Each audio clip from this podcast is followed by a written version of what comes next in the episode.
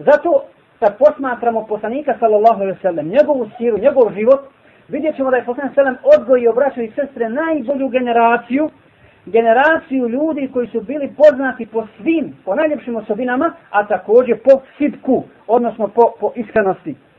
I oni su uspjeli uspostaviti islamsku državu, islamsku državu, gdje je njihov, dakle, vladar bio najiskreniji vladar, njihov vojskovođa, najiskreniji vojskovođa, njihov ali, najiskreniji ali, i uspjeli su osvojiti tada dvije imperije, u to vrijeme se smatralo da kada su to simboli napretka i civilizacije. Ali kad su vid, ali u stvari iznutra, kao današnje imperije, iznutra je to bilo moralno truhlo i spremno, spremno svakog časa za propast.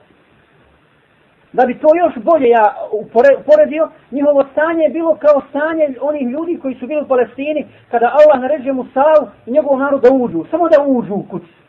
I gotovo, neće im se niko suprostaviti.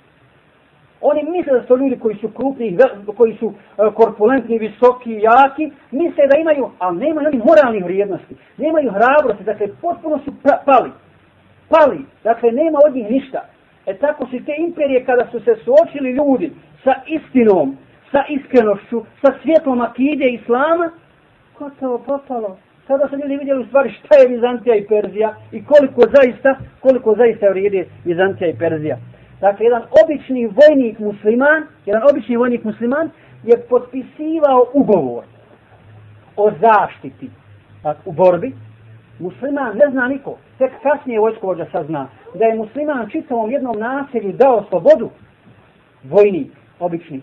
I vojskovođa pristaje na to i prihvata to kao da je to on potpisao. Kao da je to on potpisao. I tako mi Allaha, jače je bilo to, jače i poštovalo se hiljadu puta više, nego sve današnje konvencije koje prate tolika pompa, koje, koje prate sredstva informisanja, pa se održavaju u gradovima gdje se kasnije u istoriji pamte, moraš pamti, tako budeš učio istoriju, i ti tvoja djeca, gdje je, kad je održana ženevska konvencija, kad berlinska, kad ova, kad ona, sve šeitanske konvencije, večera se skopije, sutra, se, sutra, sutra i nema. Sutra se ne poštuju. Je li tako ili nije? A u islamskoj državi jedan muslimanski vojnik, jedan muslimanski vojnik, da li u Semerkandu ili, ili negdje u Perziji ili Bizantiji, kada da sigurnost i obeća sigurnost čitavom naselju, nema ulaska u to naselje. Nema ulaska u to naselje dok se ponovo ne sklopi novi ugovor, novi ugovor s tim, s tim, s tim ljudima. Dakle, to su istinske islamske vrijednosti. I to je vrijednost sitka, odnosno iskrenosti. iskrenosti.